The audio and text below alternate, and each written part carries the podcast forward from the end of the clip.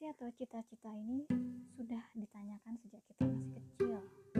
Nah, kita sering menemukan beragam jawaban mulai dari ingin yang jadi dokter, jadi arsitek, insinyur, ada juga yang jadi pengusaha.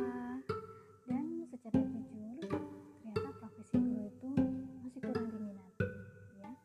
Nah, seiring tadi, seiring perubahan zaman tadi, maka anak-anak pun berubah haluan cita-citanya ingin menjadi